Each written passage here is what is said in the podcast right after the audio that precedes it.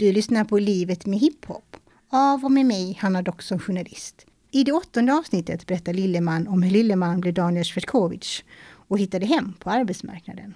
Men även om hur han tar död på sin första musikkarriär.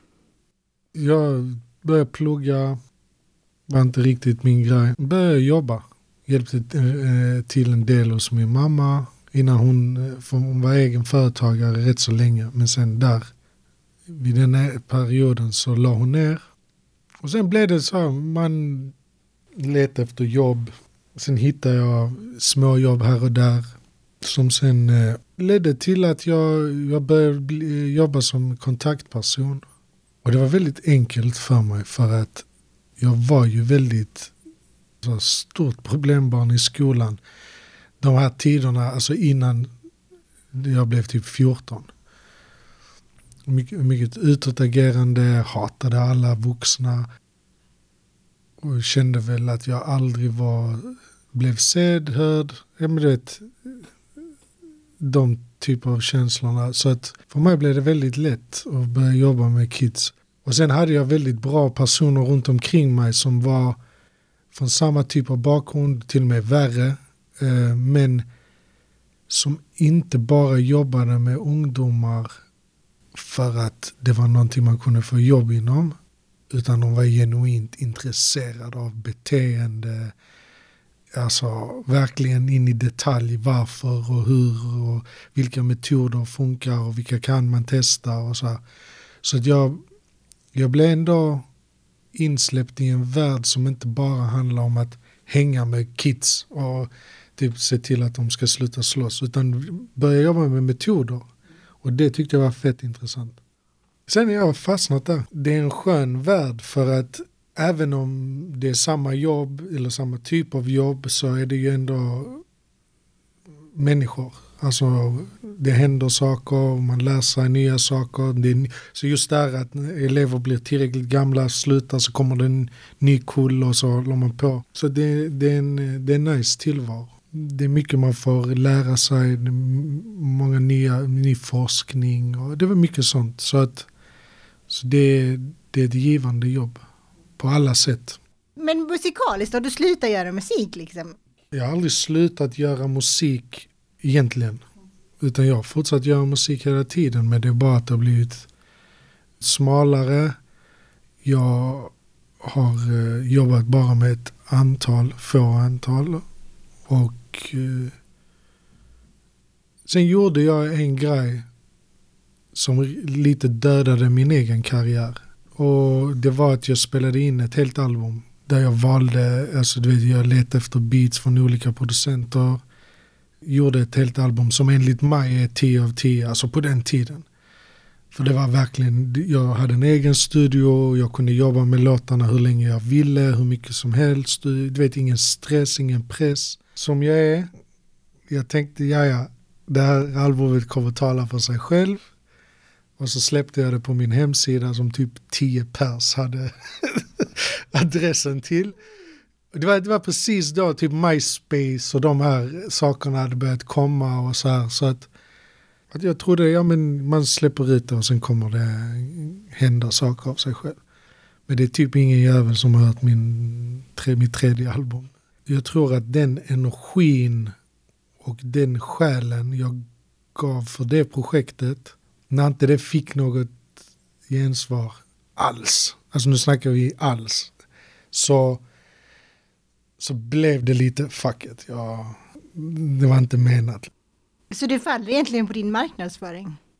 Ja, jag har aldrig varit insatt i det, jag har aldrig försökt lära mig det och, och jag, någonstans fick jag en idé och sen körde jag på den och sen trodde jag att det skulle sväva av sig själv.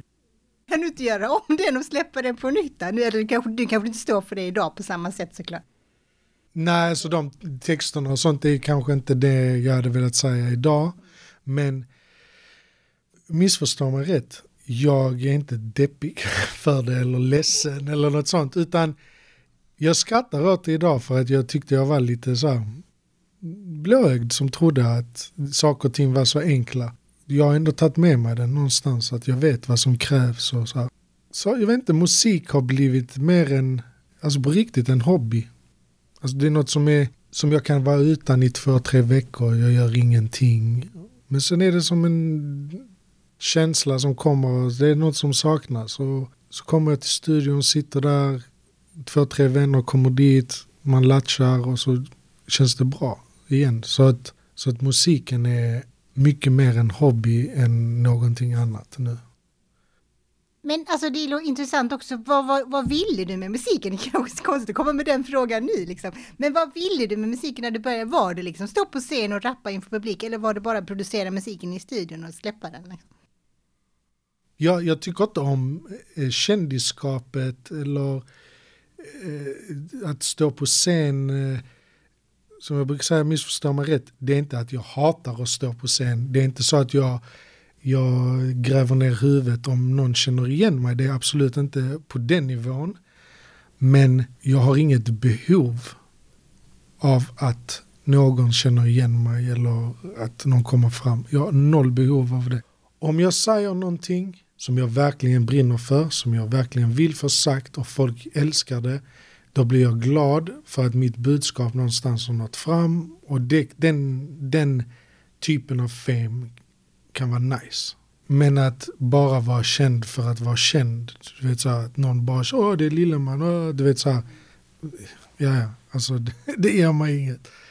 Och sen stå på scen, det är också från gång till gång. Du vet, ibland är det det roligaste, ibland är det tråkigt. Alltså det är så här. Bara för att nämna det, jag har ju också, jag är diagnostiserad med ADHD. Och en av de tydligaste grejerna i, hos mig är ju att jag är väldigt intressestyrd. Väldigt. Så att om det är något jag inte riktigt filar så, så kommer du märka det på mig för jag blir typ så här, jag tappar så här livslusten om jag ska göra något som jag tycker är tråkigt.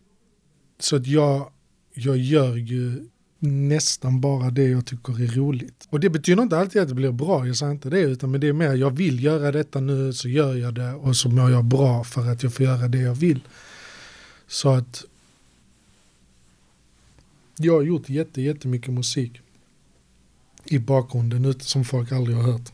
Eller jo, folk har hört det i, i studion men aldrig off, alltså offentligt. Men jag tänker också att det finns en poäng, alltså om man följer ditt Instagram, det, liksom, det kommer ju, precis som du säger, det kommer inte ofta men ibland kommer det någonting och då är man så här, oh, nu gör han någonting, nu gör han någonting. Alltså då blir man ju lite nyfiken. Så just alltså, du, på något vis så lyckades du behålla, vi pratar om den här klassiska mystiken som fanns runt artister förr. Mm. Den har du ju på något vis lyckats skapa runt dig. Det är absolut medvetet. Det är bara att, jag kan säga så här, det är medvetet på ett sätt är det. Men på ett annat är det egentligen bara att det har blivit så. Alltså så de menar, att vissa saker är inte medvetna men om jag får välja så är det så här jag vill ha det. Jag vill inte att folk ska veta var jag är, när jag är där och med vem jag är och hur jag är. Utan när jag har något att säga, jag släpper det. Vill du höra det? Skitkul. Vill du inte? Fine. alltså, vad ska jag säga? Och, och det tycker jag om. Men jag, jag har vissa låtar som är gamla. Jättegamla låtar men som jag lyssnar på och tänker man varför, varför har ingen hört detta? Det är helt dumt av mig att sitta på det. Så släpper jag en låt som får jättemycket bra respons. Alltså av de som hör den. Om vi säger så. Det är inte massan, utan men de som hör den. Jag, jag känner kärleken för att det, det, är typ så wow. Shit, det var på tiden och det är kul att höra. Men eh, som nu faktiskt, det är kul, vi snackar om det nu. Det finns en låt jag har gjort som jag är tillsammans med en vän, eh, Christian. Och jag bara skrev till honom, yo, jag hittade denna, jag kommer mixa den, jag kommer släppa den. Han bara, eh, alla dagar i veckan, varsågod. Så att jag sitter ju på många sådana låtar som jag vet hade uppskattats av de som vill höra mig, om vi säger som så den så kallade mystiken är skitfett, tycker jag. Du har lyssnat på Livet med hiphop. I nästa avsnitt berättar Daniel Srekovic om vad som fick honom att ställa sig framför en kamera igen. Producent är jag, Hanna Doxon.